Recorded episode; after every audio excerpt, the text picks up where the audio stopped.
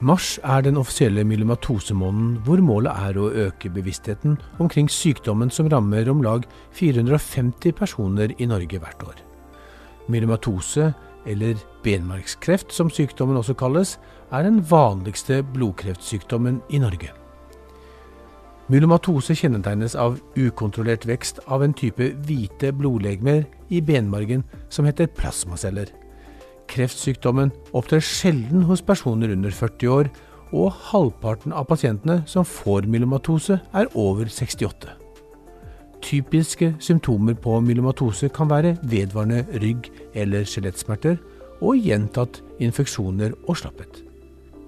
Diagnosen stilles ved en undersøkelse av blod og benmargsprøve.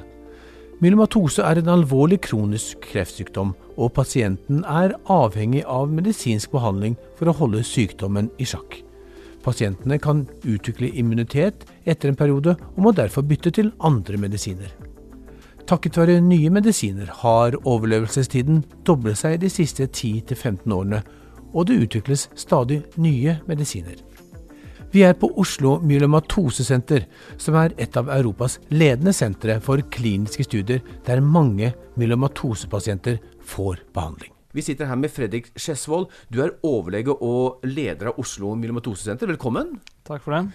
Og eh, Olav Ljøsne, du er eh, leder i Blodkreftforeningen. Det stemmer. Takk for invitasjonen.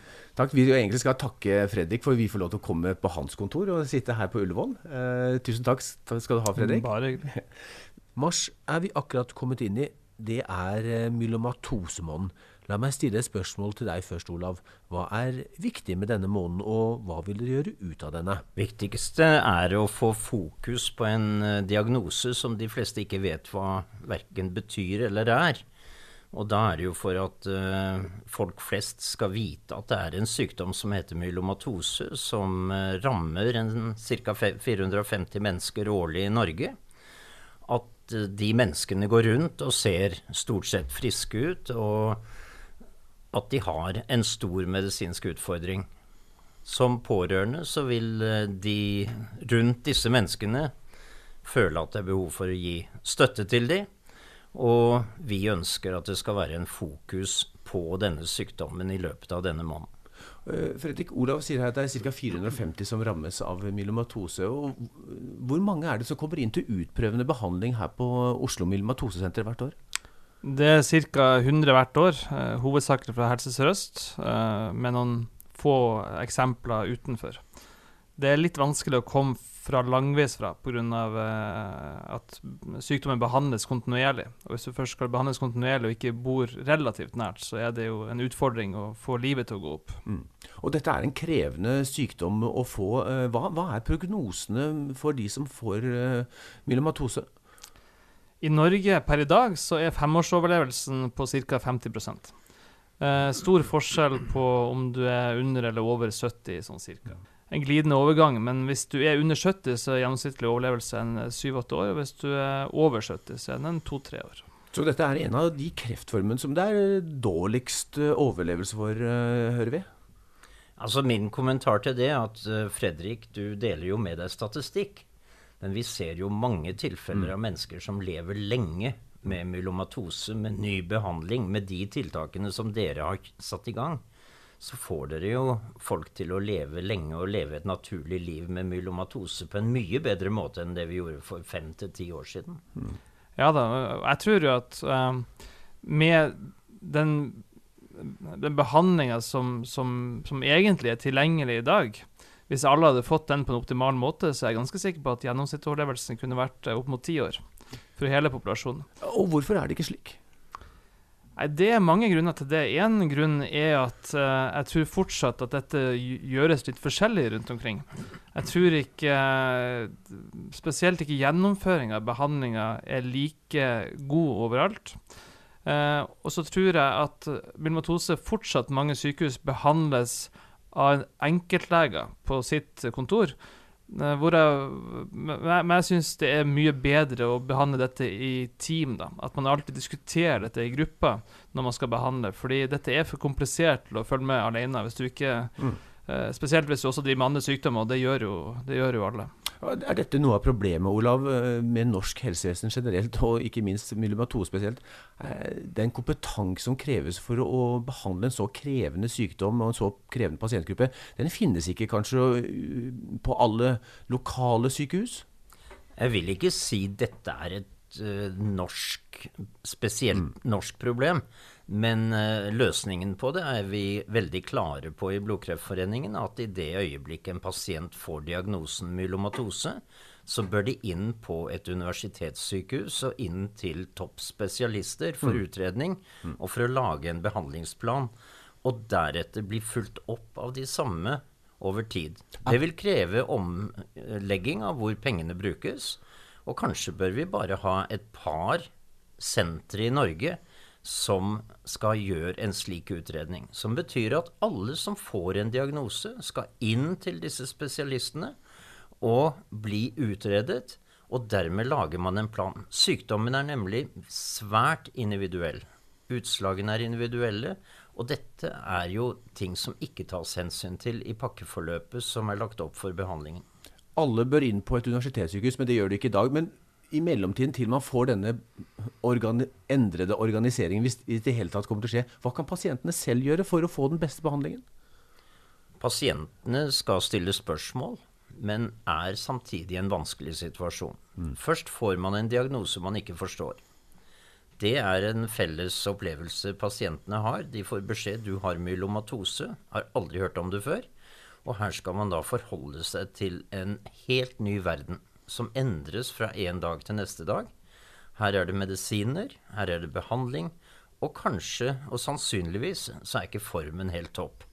Så det er viktig at de som er rundt pasientene, men også at legene og sykepleierne tar tak i hele saken mer aktivt enn det en del er i stand til å gjøre i dag. Mm. Fredrik, de pasientene som kommer til eh, dere her på Oslo Mulmatosesenter, er det primært henviste pasienter, eller er det pasienter som uh, selv finner ut at uh, hei, her uh, må jeg komme meg snarest mulig? pasientene er jo, hvis de tilhører vår lokalpopulasjon og de er nydiagnostisert, så er jo de henvist fra sin fastlege. Mm. Hvis det ikke er lagt inn akutt med nyresvikt eller et voldsomme ryggsmerter eller noe sånt, det ser vi også en del til. Mm. Eh, de som er i studier, er jo vanligvis henvist fra andre sykehus i 80 av tilfellene. Mm. Uh, og da har det jo gått og blitt utreda eh, der.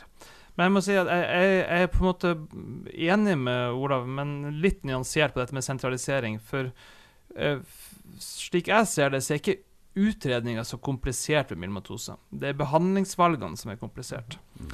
Så, og behandlingsgjennomføringa, eh, altså det å gi medikamentene og følge opp bivirkninger, det er kompetansen veldig god på de, de, de aller fleste sykehus i, i Norge. Så det, det jeg synes, eh, det jeg har foreslått et par ganger, det er at alle skal komme inn hit ved diagnose og ved Eller i vår region, da, og, og det samme i andre regioner. Mm. Komme inn hit ved diagnose og ved nytt uh, behandlingsbehov. Så kommer vi med en anbefaling om hva som skal gis, og hvordan. Og så gjennomføres dette lokalt. Eh, det hadde krevd to stillinger hos oss ekstra, så kunne vi ha turnert det. Eh, og jeg tror at for noen år siden var dette på en måte møtt med, med motstand i lokalsykehusene. Mens nå tror jeg i større grad at det vil bli sett på som, som en hjelp. Olav, er det en eh, god løsning, tror du? Den veien fremover som Fredrik skisserer, syns jeg er jo helt riktig. Mm. Så kanskje var jeg litt upresis, men eh, nettopp få pasienten inn på universitetssykehus til toppspesialister for utredning. Mm. Og så kan behandlingen skje lokalt. Mm. La, la, oss snakke litt om pasientene. De er, de er, de er jo i sentrum. Uh, Olav, du har jo en kone Du er leder i, i Blodkreftforeningen og har vært det et par år nå. Og så har du en kone som har myelomatose, hatt det en god del år. Kan du fortelle litt om hvordan den sykdommen arter seg? Den sykdommen arter seg svært forskjellig fra pasient til pasient. Det er min erfaring. Og det er helt riktig, min kone har hatt diagnosen i snart ti år. Og det har vært eh, mange utfordringer. Mange vanskelige valg og mange forhold å forholde seg til. Men hun er samtidig optimistisk, og hun skal vinne denne fighten, som hun sier. Og Og hun uh, bruker veldig mye tid på å forstå sin egen sykdom. Uh, det tror jeg faktisk har vært nyttig for henne, mm. og også nyttig for den dialogen hun har med de behandlende legene som hun har.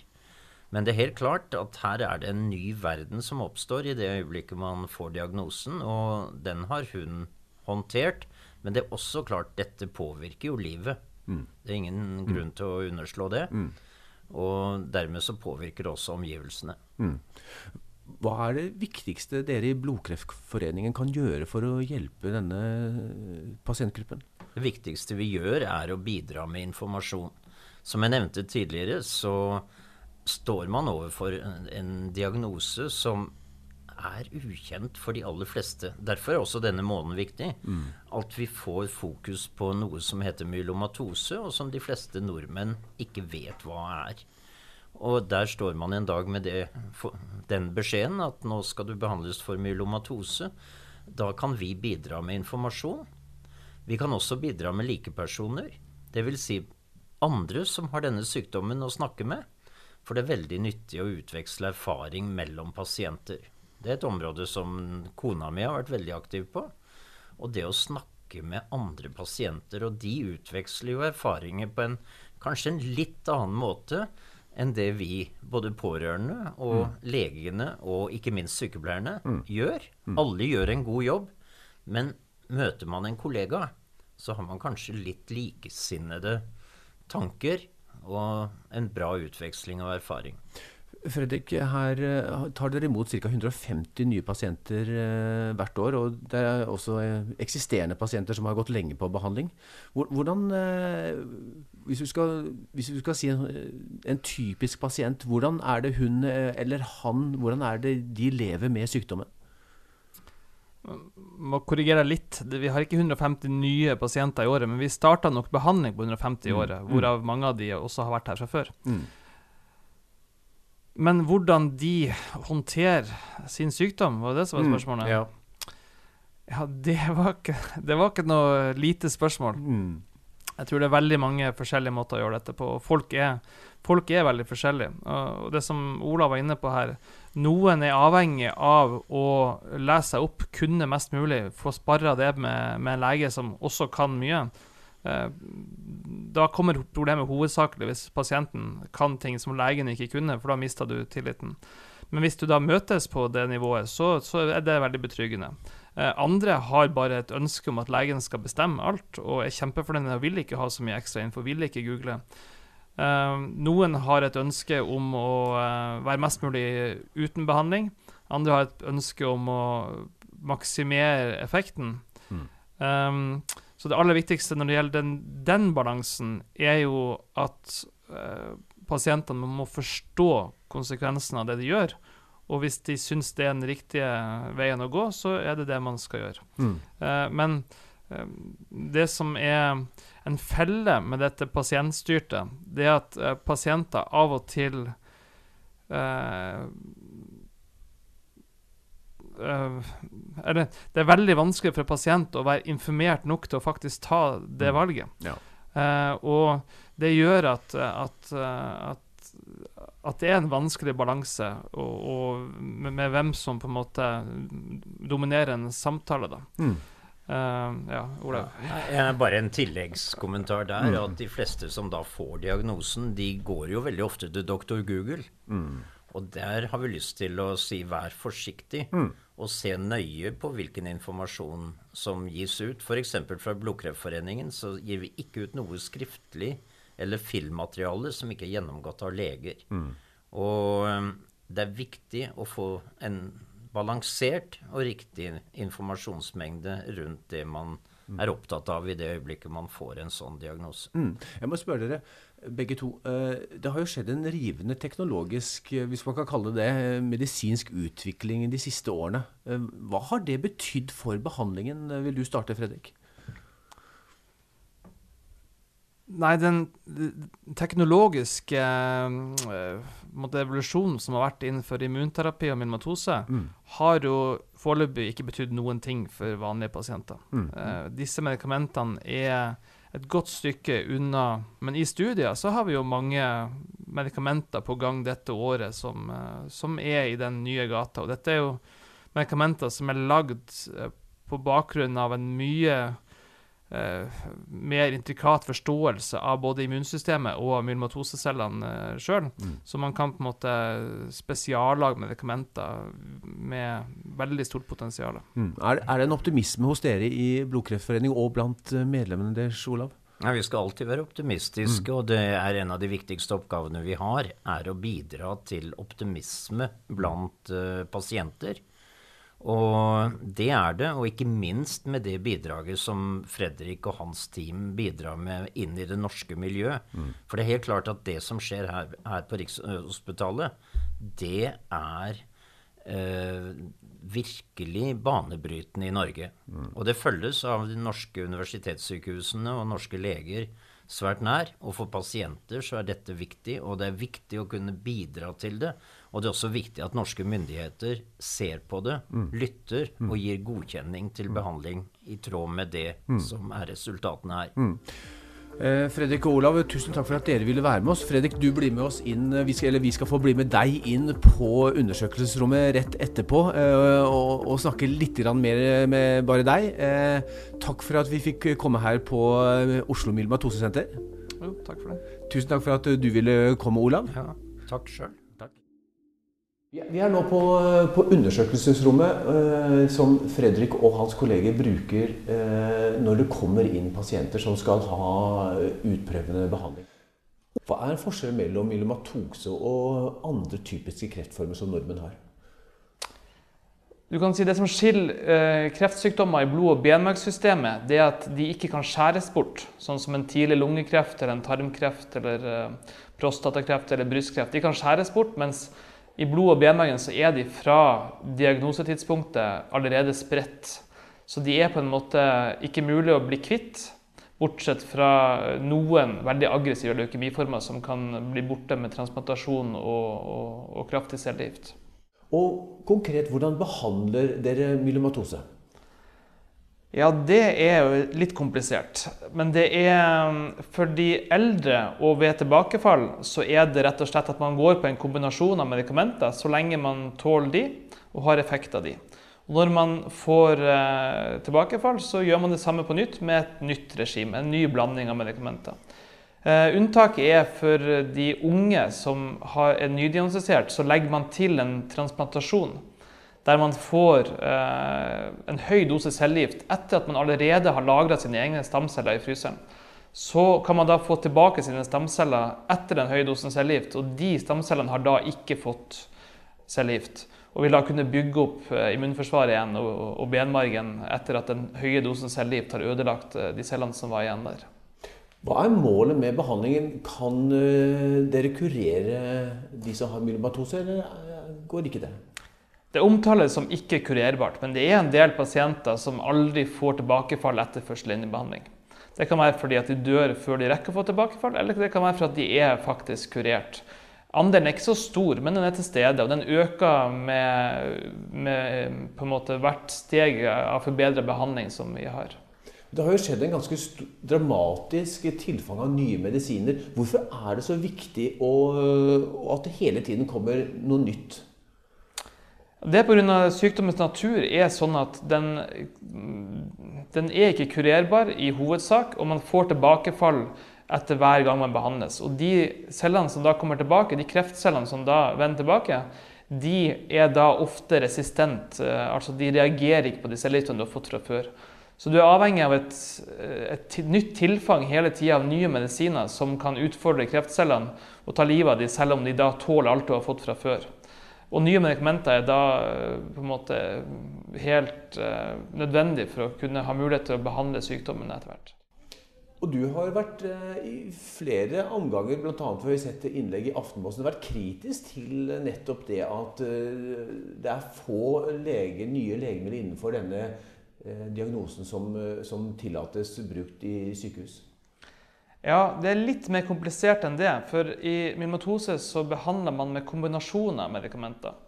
Og vi har tilgang til de fleste medikamentene som er på markedet. Men vi har ikke mulighet til å bruke det i de beste kombinasjonene. I tillegg er det noen som vi ikke har tilgang til i det hele tatt. Og Det er klart det er frustrerende eh, både for pasienter og for leger. Jeg er på en måte enig i prinsippet om prioritering, eh, men jeg syns ikke dette systemet fungerer så godt som det burde. Og det hadde vi en kronikk om i Aftenposten i desember, det stemmer det. Hvis, på, på, vegne av pasientene, hva, hvilke, hvis du kunne snakket med helseministeren og Beslutningsforum, hvilke råd ville du gitt de da? Jeg ville for det første sagt at de måtte øke kapasiteten sin betydelig. I Norge så tar det ca. to år fra markedsføring til kreftlegemiddel godkjennes, hvis det godkjennes. Eh, I Danmark tar det to måneder. Det er det ene. Det andre eh, jeg ville sagt var at jeg syns den økonomiske analysen skulle vært gjort av en uavhengig instans, ikke de samme som diskuterer prisene med legemiddelindustrien. For det tredje, jeg syns man skulle hatt fagfolk involvert i dette i mye større grad enn vi har, eh, på den måten de har det i Danmark. For det fjerde så bør et sånt system ha en ankemulighet. Per i dag er det ingen mulighet for å reversere en avgjørelse ved en uavhengig vurdering. og Det er uvanlig i den offentlige forvaltninga. Så hvis du skal se litt inn i, i fremtiden Det er eh, 400-500 mennesker som får myelomatose hvert år. Mange, mange dør, dessverre. Eh, hva, hva, tror du eh, vil denne kreftformen kunne få den samme overlevelsen som f.eks. brystkreft har, hvor det har vært eh, gjort mange store fremskritt i mange år? Jeg tror vi i løpet av noen år der vi har tatt i bruk de tingene vi nå ser konturene av, så tror jeg at en, halvparten, kanskje opp mot tre fjerdedeler av pasientene kan få en veldig lang overlevelse. Kanskje så lang at de dør av noe annet.